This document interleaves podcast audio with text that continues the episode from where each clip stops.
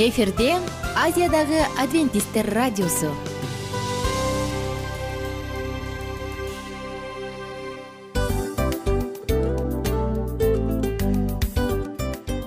Достор салют. Баардык сүйүктүү угармандарыбызга салам айтабыз. Кутман күнүңүздөр менен. Ден соолук өмүрдүн булагы демекчи саламат саамы программасында баарыңыздарды көргөнүбүзгө абдан кубанычтабыз. Анда алгач амандашып өтөлү арбаңыздар деп. Ден соолугуңуздар кандай элибизде көбүнчө ден соолук кандай дегенде эле жакшы деп жооп беребиз э? ооруп турсак дагы жакшы дейбиз. Анан мен муну айтып ойлойт элем бул абдан сонун сөз депчи анткени бул жакшы деген үмүт да э ооба баары жакшы болот. Баары сонун. Деп үмүттөнүп атып эле өзүбүздү өзүбүз дарылап коебуз. Анысы кандай? Сиздин дагы ден соолугуңуз жакшы беш деген үмүттөбүз чындыгында ден соолук бул өмүрдүн булагы деп бекеринен айтылган эмес деп ойлойм. Кыргыз элинде анткени эгерде ден соолук жок болсо анда адамдын жашоосунда калган баардык керектүү маңыздуу нерселер өзүнүн баалуулугун жоготуп коет. Ошондуктан ден соолук бул эң керектүү нерсе. Ооба туура айтасың кесиптешим. Чынында ден соолугуң жок бир эки үч күн ооруп калсаң эле э кандай болуп калат? Жашоодо көз каранды болуп каласың көп нерсеге жетишпей каласың көп нерсени кыла албай каласың жада калса эшикке дүкөнгө да чыга албай каласың. Туптуура анан ден соолук болсо демек биз биздин бактыбыз тоодой деп койсок болот. Анда достор саламат рубрикабызды баштайлы. Алдыда өзүңүзгө керектүү болгон сонун кеңештерди уга аласыздар. Мына ошондуктан биз менен бирге болуңуздар. Ал эми биз болсо милан жана айнура. Кеттик алга. Алга саламат саама ден соолуктун жарчысы. Саламат саама ден соолуктун ачкычы. Күн сайын сиз үчүн мыкты кеңештер сонун жаңылыктар кызыктуу фактылар. Биздин рубрикада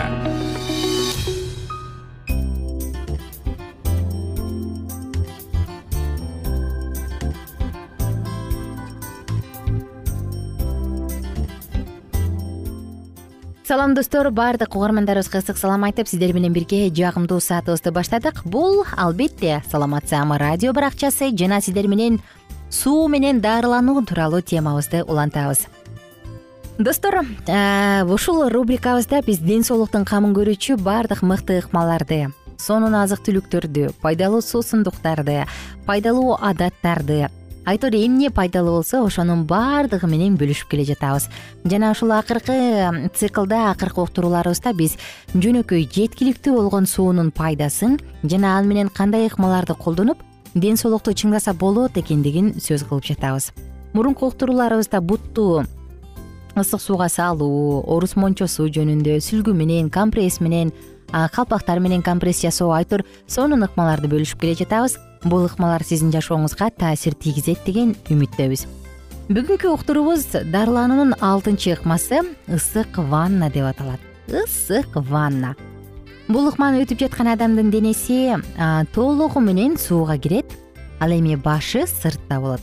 О мына абдан жагат мага бул нерсе билбейм бизде үйдө жолдошум айтып берет да сен балыксың суудан чачабайсың деп. Анысы кандай? Бул ыкма мага абдан жагат. Өзгөчө чарчагандан кийин ой ваннаны столтуруп алып жатсаң ай аяй сөз жок. Орус мончосу ыкмасындагы э, дене тердөө жолу менен өзүнүн ысыгын көзөмөлгө алгандай эле бул ыкмада дене өз жылуулугун көзөмөлдөй албайт. Бул ыкманын орус мончосу ыкмасынан айырмачылыгы бул жерде дене тез ысыганында анткени ысык аба же ысык бууга караганда ысык суу ысыктыкты жеткирүүнүн эң жакшы жолу экени талашсыз. Ысык ваннанын негизги максаты эмне? Теринин сырткы катмары менен теринин сырткы катмарын жалпысынан кан менен жакшы камсыз кылуу зат алмашууну күчөтүү тездетүү адамды жакшылап тердетүү дененин ысыгын жогорулатуу ар кандай ооруларды ригиттүү абалды жеңилдетип бул булчуңдар чыңалып жакшы жазылбаса э? ригиттүү абалды жеңилдетип жана чарчоону алып салуу. Дененин ички мүчөлөрүндөгү керексиз нерселердин төмөндөшүнө жардам берүү. Ысык ваннанын кандай пайдалуу жактары бар? Алсыз кан айланууда жакшы. Оору маалында жакшы. Булчуңдар чыңалып аягына чейин жазылбаса дагы жана толук чарчап турганда дагы пайдалуу дененин ички мүчөлөрүндө керексиз нерселер чогулганда дагы пайдалуу. Терс жагы жана сактануу жолун айтсак ысык ваннанын кандай терс жагы бар жана кимдер сактанышы керек? Жүрөк жана анын клапандары ооруса бул ыкманы колдонууга болбойт ысык ваннага жатпаңыз. Кант диабети бар адамдарга дагы каршы. Зыяндуу шишик бар болсо рак ооруларына каршы көрсөтүлгөн кан тамырлардын оорусу же ишинин бузулушунда бул ыкма болбойт. Гипертонияга каршы кан басымынын жогору болушу. Сөзсүз түрдө достор мындай ыкма менен тааныштырып жатып биз маанилүү эскертүүлөр жөнүндө дагы айтпасак айтпай кетсек болбос ошондуктан бир канча эскертүүлөр бар. Жашы өткөн жана ден соолугу начар болгон адамдар ысык ваннага жакшы чыдашпайт. Муну дагы эске алуу зарыл. Эгерде бул ыкманы колдоно турган адам дары дармек менен дарыланып жатса анда алдын ала анын доктору менен кеңешип алыңыз. Ыкманы өтүп жаткан адамдын башы тегеренип же эсинен тана баштаса ошол замат дарылануу ыкмасын токтотуңуз. Ыкманы өтүп жаткан адамды ваннада жалгыз калтырбаңыз. Ушундай эскертүүлөр бар. Эми дарыланууга өтөлү. Ысык ванна ыкмасы үчүн бизге эмне керек?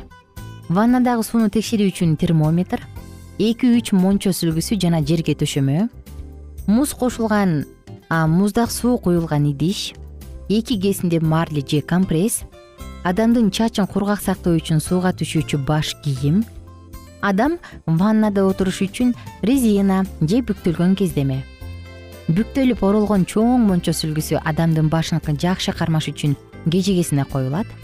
Эгерде ыкманы узак мөөнөт өткөрүүнү кааласаңыз жаныңызда муз кошулган муздак суу жана ваннадагы адам ичип туруш үчүн дагы салкын суу керек. Даярдап алган соң эми баштайлы. Жамбаш аймагын жакшылап ысытуу үчүн тизелерди суудан чыгарып коюу керек. Суунун ысыгын кырк үч градус цельсийге чейин көтөрсө болот. Ыкманы мындай колдонуу цистит оорусун табарсакка суук дегендеги оору э? Муну дагы дарылоого жакшы. Аял кишинин айызы келип жатканда деги деги бул ыкманы колдонууга болбойт ваннанын эки үчтөн эки бөлүгүн кырк градус ысыктыгындагы суу менен толтуруңуз. Ыкманы колдоно турган адамга ваннага отуруусуна жардам бериңиз. Бүктөлгөн сүлгүлөрдү анын кежегесине жана жамбаш алдына салып бериңиз. Башына ыңгайлуу болуп жана жамбашынан таалып кетпеш үчүн керек. Суудан чыгып турган жерлерин сүлгү менен же ваннанын үстүнөн толук шейшеп же жеңил кездеме менен жаап коюңуз. Башын муздак компресс менен муздатып туруңуз бул дарылануу ыкмасы бир нече бөлүктөн турат. Ыкманын биринчи бөлүгүндө адамдын денесинин ысыгы болгон жарым градуска көтөрүлүшү керек. Ыкманын биринчи бөлүгү бар болгону он гана мүнөт созулушу керек. Беш мүнөткө ваннадагы суунун жылуулугун отуз беш жарым градус цельсийге чейин түшүрүп койсоңуз болот. Бул тапта ваннадагы адамга бир аз кыймылдоосун сунуш кылыңыз ыкманын кийинки бөлүктөрүндө жаныңызда сөзсүз муз жана ичиш үчүн таза салкын суу болсун. Адамдын денесине муз компрессин коюу керек болгондо музду колдоносуз. Анын жүрөгүнүн согушун үзгүлтүксүз тез тез текшериңиз мүнөтүнө сексенден ашык сокпошу керек. Дарылануу ыкмасы аяктаганда ага ваннадан чыкканга жардам бериңиз. Андан кийин анын денесин губкага спирт же муздак суу сиңирип алып туруп сүртүңүз. Денесин кургак кылып сүртүп туруп муздашын күтүңүз ыкма соңуна чыкканда адамга бир саат эс алуусуна мүмкүнчүлүк бериңиз. Көптөгөн квартираларда мисалы ушундай ванналар бар э? Мындай ванналарда адам толугу менен жата албайт дарылануу ыкмасынын ушундай ваннада өтүүсү коопсуз анткени анын денесинин өйдө жагы суудан чыгып турат. Ошондуктан дал ушундай батирлердеги квартиралардагы ванналар дагы жакшы жардам берет. Достор биз сиздер менен коштошчу учурга келдик. Уктуруубуздун соңку мүнөттөрү баарыңыздарга кааларым көңүлдүү күн эгер сизде ушундай ванна бар болсо анда бүгүн сууну толтуруңуз дагы рахаттанып бир жатып эс алып коюңуз. Бар болуңуздар көңүлдүү күн.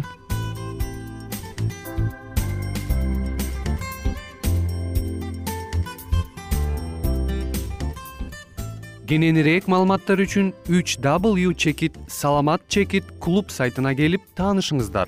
Жана андан тышкары социалдык тармактарда youtube facebook жана instagram баракчаларына катталыңыз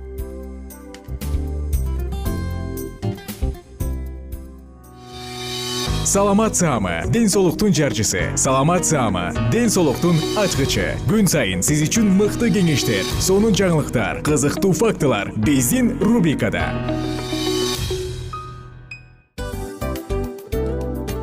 Салам достор. Кайрадан биздин сүйүктүү рубрикабызга кош келиңиздер деп айтмакчыбыз. Баардык замандаштарыбызга арбаңыздар деп саламыбызды айтабыз. Улуу ушундай бир урматтаган учурашуу менен анан дил маек радио баракчабызга чакырабыз. Негизи дил маек биздин рубрикабызда эмне жөнүндө кеп кылабыз? Бул дил маектин мааниси эмнеде? Рубрикабыз менен кичине тааныштырып кетсеңиз. Сөзсүз түрдө тааныштыра кетейин кесиптешим суранычы боюнча бул учурда бул радио баракчада биз ар тарап кесип ээлеринен сонун кеңештерди алабыз сүйлөшөбүз сырдашабыз аталарыбыздын эжелерибиздин апаларыбыздын кеңештерин угабыз. Айтор жан дүйнөгө адамдын э, сапатына адамдын деги эле адам болуп жашашына керектүү баардык кеңештер алдыда. Негизи э, дил маек дегенде баягы эки адамдын ортосундагы сырдашуу кенен сүйлөшүү. Негизи эле биз адамдар бири бирибиз менен бир жерге жай жерге отуруп алып өзүнчө тынч э, жашоо жөнүндө өмүрүбүздө эмне болуп атканын бөлүшкөнү жакшы көрөбүз э адамдар. Ооба туура айтасың анан э, мындай учурга кээде убакыт да жетпей келет э? Же болбосо сырыңды кайгыңды муңуңду кубанычыңды айткың келет адамга ишенбешиң мүмкүн. Ооба. Бул радио баракча угармандарыбыздын чыныгы досу анткени бизден алган кеңеш сиздин жашооңузга чоң жардам берет. Ал эми сиздин бизге айта турган сөзүңүз ортодо гана сыр бойдон калат. Ошондуктан биздин дил маек рубрикабызга дагы бир жолу кош келиңиздер. Жана биз даярдаган маалыматтарга даяр болуңуздар. Айнура жана милан сиздер менен бирге алдыга кеттик ар түрдүү ардактуу кесип ээлеринен. Алтын сөздөр жүрөк ачышкан сыр чачышкан сонун маек. Дил маек рубрикасында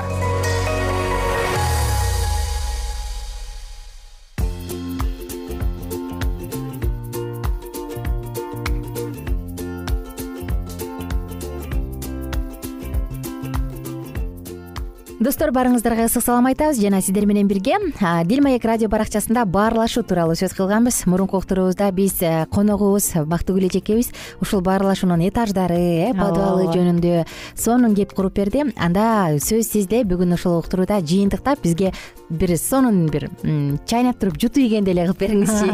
Абдан жакшы.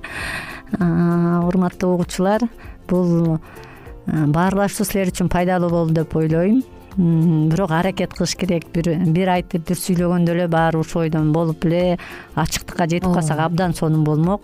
Бирок жашоо башка ооба жашоо башка. Анан кичинеден баштайлы. Баштасак жанагы подвалдан чыгалы саясатка кийлигишпей э?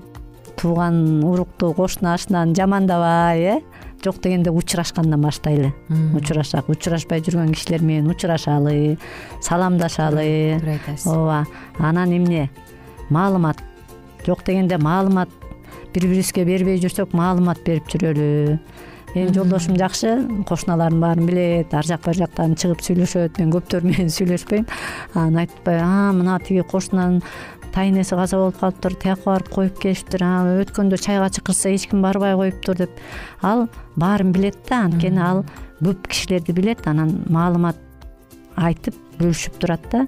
Анан мен дагы ойлоп калам э ушинтип бөлүшүш керек дейм. Бирок мен кошуна эркек кишилерди көрсөм учурашып коем анан бир эки аялды көрсөм а кандай ден соолук? деп коем да анан ошентип кичинеден болсо да аракет кылалы э урматтуу угуучулар анан маалымат бөлүшсөк ар бир адамга эле ошондой жакшы болуш керек эгер маалымат сурап кандай э, эми кошунаныкына кирип айтып коюш керек ушундай апасы картаң киши болсо да каза болсо да э мындай көңүл э? Ооба көңүл ага айтып койгон. Мамиле ооба. аракет кылып э? Кичинекей кадамдар болсо таштай берели. Балдарыбыз менен мамилебиз жок болсо жок дегенде сураштырып баштайлы ай кандайсың кел отуралы сүйлөшөлү эмне каалооң бар дегенден баштасак андан да жакшы. Анан биз жанагы ой пикирибизди айткандан коркпойлу. Анткени биз бир адамбыз ооба бир кезде баары эле окшош болуп ой пикирибиз экөөбүздүкү деле дайым келише калбайт э? Анан сенин башка оюң бар менин башка оюм бар. Бирок бири бирибизди уга билишибиз керек да. Ошо ой пикир десеңиз ойлоп койдум эстеп кеттим. Негизи биз баягы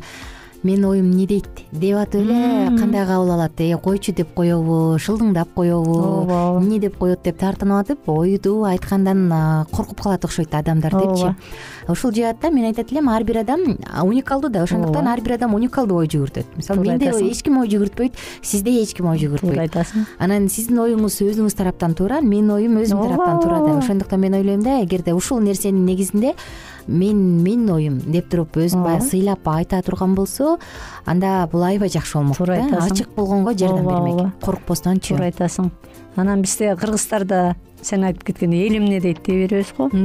Элдин биз менен эчтеке ою жок. Көп убакта улуу кишилер. Ой муну минтиш керек тиги тойго барып койбосо анан эл эмне? дейт.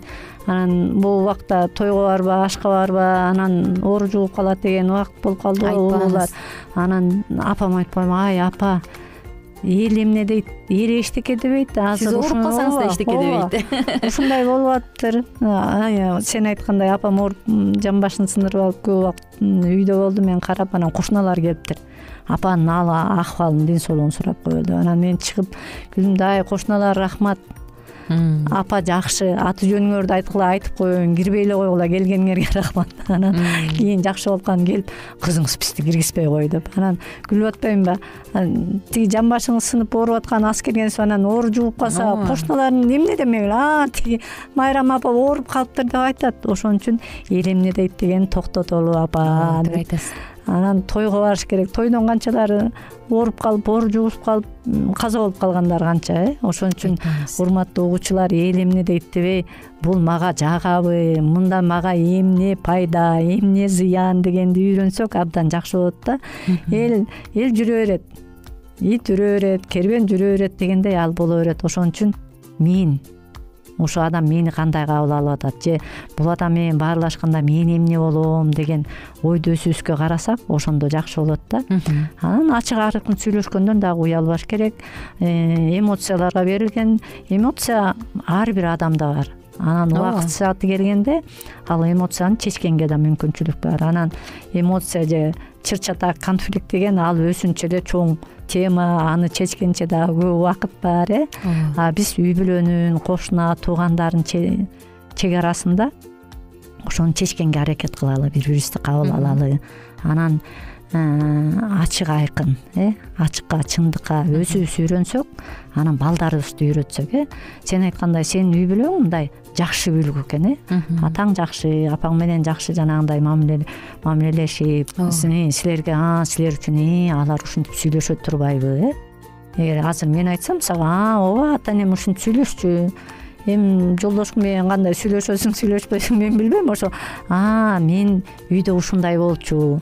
Анан бул берүүнү да ук бактыгүл эже да ушинтип атат. Келели сүйлөшүп баштайлы. давай деп келели сүйлөшүп баштайлы. Экөөбүз бир үй бүлөбүз да мен сени сүйөм алтыным. Кел сүйлөшөлү деп баштасаң бир чин чайды берип коюп вареньяны коюп коюп кел сүйлөшөлү деп баштасаң ооба жолдошуң ачылат деген ойдомун да. Анан бул чындык бул аркылуу көп үй бүлөлөр өткөн жакшы э, натыйжалар бар ошон үчүн аракет кылсак берекет. Анан биз өзүбүздү эле ойлоп а биз мен мен дей бербей жолдошубузду же келинчегибизди эң негизгиси угармандар балдарыбызды ойлойлу балдар биздин келечек алар ошо кыргызды улантуучу жакшы инсандар чыгат жакшы президенттер саясатчылар көп политиктер чыгат. Ошолорго биз үйдөн жакшы үлгү болушубуз керек да. Эгер азыр чын эле биздин мамлекет деңгээлинде же партиялар ортосунда чын эле ушундай ачык ар биринин оюн айтып бири бирин угуп э жок дегенде угуп ай кой угайын ушуну угайын.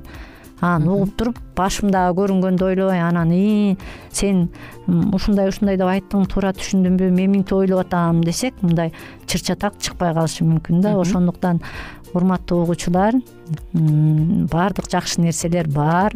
Ошо ой бөлүшкөнгө үйрөнөлү. Биз жакшы кыргыздарбыз бизде дагы мындай сонун нерселер болот жакшы үлгүлөр болот. Өзгөчө үй бүлөлөргө ушундай жакшы баарлашууну каалайт элем. Чоң рахмат бактыгүл эже келип бергениңиз үчүн алтындай убактыңызды бөлгөнүңүз үчүн чоң рахмат. Сизге ишиңизге ийгилик каалайбыз жараткан салкай берсин сизди дагы. Жана достор жалпыңыздар менен коштошобуз. Бар болуңуздар баарлашуунун даамын татып абдан сонун экен деңиздер. Ар түрдүү ардактуу кесип ээлеринен алтын сөздөр жүрөк ачышкан сыр чачышкан сонун маек. Дил маек рубрикасында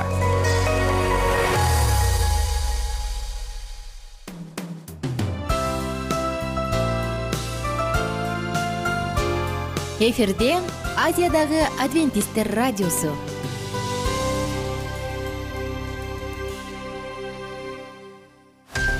Жан дүйнөңдү байыткан жүрөгүңдү азыктанткан жашооңо маңыз тартуулаган жан азык рубрикасы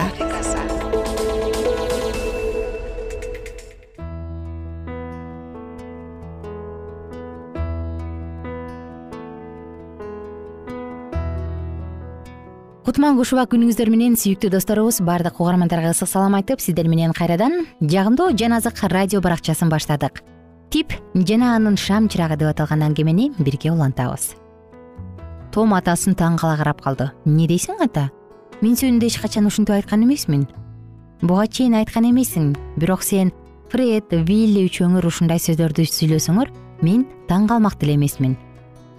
Мен ач качан андай кылбайм деди фред мактана мен атамды сыйлайм ошондуктан ал жөнүндө андай сөздөрдү эч качан сүйлөбөйм. Минтурн мырза анын ийнине колун коюп аны сылагандай тиктеди.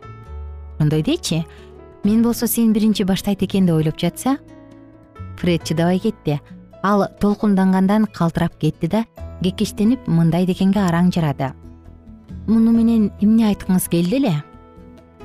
Минтур мырза балдарды бир сыдыра карап өттү. Макул түшүндүрсө түшүндүрөйүн. Мен тамак ичердин алдындагы силердин талашыңарды кокустан угуп калдым. Ошондуктан мен библиянын сөздөрүн тамашалаганга батынган адам ата энесин оңой эле шылдыңдап коет деп ойлодум бөлмөдө жымжырттык өкүм сүрттү. Фреддин бети дуулдап чыкты. Минтурн мырза сөзүн жай улантты. Баардыгыңар эле түшүндүңөр деп ойлойм. Кудайдын сөзү ыйык. Ушуну эсиңерге түйүп алгыла балдар тарай баштаганда саат тогуз болуп калган. Тип үйдөн биринчи чыкты. Ал чайыттай ачык асмандагы жымыңдаган жылдыздарды карады. Ал бүгүн кызыктуу көп нерселерди көрдү жана чырагына ишенимдүү бойдон калганына кубанып жатты. Эми анын кимге кызмат кылаарын жана өзгөрүп калганын баары билет. Ушул нерсе анын жүрөгүн кубанычка толтурду. Мария эмне болду? Тип ал тууралуу унуттубу? Жок унутпай калсын ал эч ким үчүн мария үчүн сыйынгандай сыйынбаса керек. Бирок анын сыйынуусу бекер болбогондой угулбай жаткандай сезилип кетчү. Бир жекшембиде гольбрук мырза сыйынуу тууралуу жана кудайдын сыйынууларга жооп берген жообу тууралуу насаат сөз сүйлөдү. Ал типтин жүзүнөн кандайдыр бир нааразычылыкты байкап калды. Мектептин чыга беришинен ал пасторго келип гольбрук мырза мен сизден бир нерсе сурайын дедим эле деди. Гольбрук мырза аны жылуу тосуп алып сура сурай кой деди. Кудай сыйынууларга эмне үчүн дароо эле жооп бербейт деп сурайын деп жаткам? Сен мага оор суроо бердиң эдуард деди пастор жылмая. Биздин убактыбыз тар ошентсе да жооп бергенге аракет кылып көрөйүн. Кудай кээде биздин ишенимибизди сынаш үчүн сыйынууларыбызга жооп бербей коет. Ал бизден анын убадаларына чын эле ишенерибизди сыйынуубуздун жообун алгыча сыйынабызбы же жадап кетип сыйынбай калабызбы? Ошону көрсөткүсү келет. Кээде кудай бизге жооп бербейт. Анткени биз сыйынуу менен эле чектелип өзүбүз эч аракет кылбай коебуз кээде болсо бизди кудай угуп жатканына ишенбегенибиз үчүн болот. Түшүнүп жатасыңбы? Жок мен баары бир түшүнө албай жатам. Анда сага түшүндүргөнгө аракет кылып көрөйүн сен ким үчүн сыйынып жооп ала албай жатасың? Карындашым мария үчүн мен ал үчүн көптөн бери эле сыйынып жүрөм ал дагы ыйсаны таанып калса дейм бирок менин сыйынууларым бекер эле окшойт.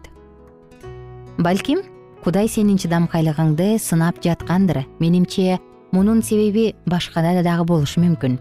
Сен сыйынып эле жатам дейсиң. Ошону менен бирге аракет кылып жатасыңбы? Сен мария менен сүйлөштүңбү? Мария сенин ал үчүн сыйынып жүргөнүңдү билеби? Сен аны ыйсага кайрыл деп чакырдың беле ыйсага кантип кайрылуу керек экендигин ага түшүндүрдүң беле? Типтин жүзү өзгөрүп кетти. Мен аны менен сүйлөшкөнгө аракет кылып көргөм бирок бул эч натыйжа берген эмес. Ошондон кийин мен аны менен бул темада кайра сүйлөшүүгө батынбайм. Библияда тынчтык менен баргыла. Жылуу кийингиле курсагыңарды тойгузгула деген менен гана чектелген адамдар тууралуу жазылат. Сен ушул жөнүндө окудуң беле? Тип башын чайкады. Гольбрук анын кичинекей библиясын колуна алды мен ал аят кайсы жерде жазылганын көрсөтөйүн. Сен аны үйүңдөн окусаң болот. Балким мария үчүн сыйынганың менен ага эч нерсе айтпасаң сен да ушуга окшош иш кылып жаткандырсың. Мүмкүн сыйынууңдун угулбаганынын себеби башкададыр сен сыйынууңдун угулушун каалайсыңбы? Сен күн сайын теңир марияны алкыштап аны да өзүңдүн кызың кылып алчы деп сыйынасың. Бирок мария бир күнү эртең менен эле сага келип мен кудайдын кызы болгум келет десе сен таң калмаксың да чынбы? Ооба деди тип мойнун ала. Гольбрук мырза ордунан турду да мындай деп кошумчалады. Менин оюмча сен бүгүндөн баштап сыйынып ошол эле учурда аракетти кыла баштасаң жана кудайдан мага ишеним бер деп сыйынсаң сураганыңды аласың. Тип мариянын да өзүндөй болгон жайдары кыз болушун каалаар эле. Анын эң чоң каалоосу ушундай болчу. Тип эгер мария ыйсанын сүйөрүнө теңирдин кызы болуп калса аны кудайдын кудуреттүү колдорунан эч ким жулуп кете албай турганына ишенсе дайыма эле нааразы болуп жүргөн карындашынын жан дүйнөсүндө кандай өзгөрүү болорун элестетип койду. Бир жолу ал мариянын түшкү тамактан кийин акырын сыртка чыгып кеткенин байкап калды. Тип терезеден мариянын мүрзөнү көздөй кетип бара жатканын көрүп ордунан атып турду да карындашынын артынан жөнөдү. Ал эмне үчүн мындай кылып жатканын билбей эле анын артынан кете берди мария типти байкаган жок ал тез тез басып мүрзөнүн эң четинде бийик бактардын алдындагы кичинекей бөбөгүнүн сөөгү жашырылган жерге келди. Бир азга шылкыйып башын төмөн салган бойдон турду да анан таштын үстүнө отура калып бетин басып ыйлап жиберди. Мариянын кичинекей денеси титиреп жатты. Бадалдын арасында жашынып отурган тип карындашынын бууркурап ыйлап жатканын укту. Ал карындашына бууру ооруп кетти кантип жардам берүүгө болот мария эмнеге мынча капаланып жатты болду экен? Тип бадалдын арасынан чыгып анын жанына басып келди да аны кучактады мария сен эмне ыйлап жатасың? Эмне болду? Ал карындашынын мындай абалын эч качан көргөн эмес мария башын көтөрдү.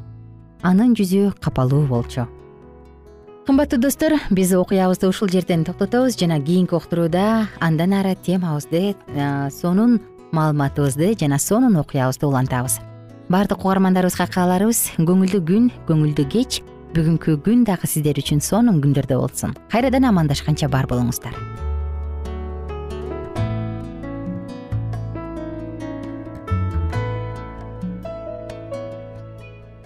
Эгер сиздерде суроолор болсо же көбүрөөк маалымат билем десеңиз анда биздин whatsapp номерибизге жазыңыз. Плюс бир үч жүз бир жети жүз алтымыш алтымыш жетимиш кайрадан плюс бир үч жүз бир жети жүз алтымыш алтымыш жетимиш.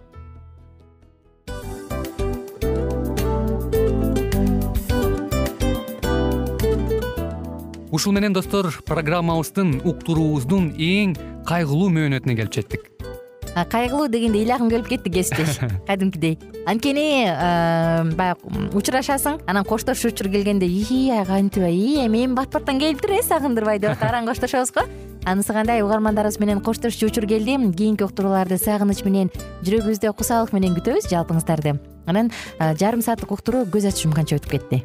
Сөзсүз бирок бизде жакшы кабар бар. Кийинки уктурууларыбызда сөзсүз дагы кезигишебиз. Анткени биз көптөгөн сюрприздерди кызыктуу маалыматтарды жана керектүү керектүү нерселердин көбүнчөсүн даярдадык. Анда угармандарыбыздын баардыгына ийгиликтүү күн каалайбыз. Эгерде бүгүнкү күнүңүз өзгөчө э, өтүшүн кааласаңыз анда позитивдүү ой жүгүртүп жылмайып жакындарыңызга жакшы маанай тартуулап жүрө бериңиз. Анткени сөзсүз түрдө мунун арты кайтат э? Сөзсүз. Баягы ден соолугуң оңолот ал бул деп көп нерсени санап келебиз эң негизгиси бул сиздин жашооңузду жаркын кыла түшөт экен. Жараткан кудай ар бирөөңүздөргө батасын берсин жашооңуз ийгиликтүү болсун сак саламатта калыңыздар деп мен милан жана кесиптешим айнура. Баардыгыңыздар менен кийинки уктурууда үн алышканча. Баарыңыздарга ийгилик каалайбыз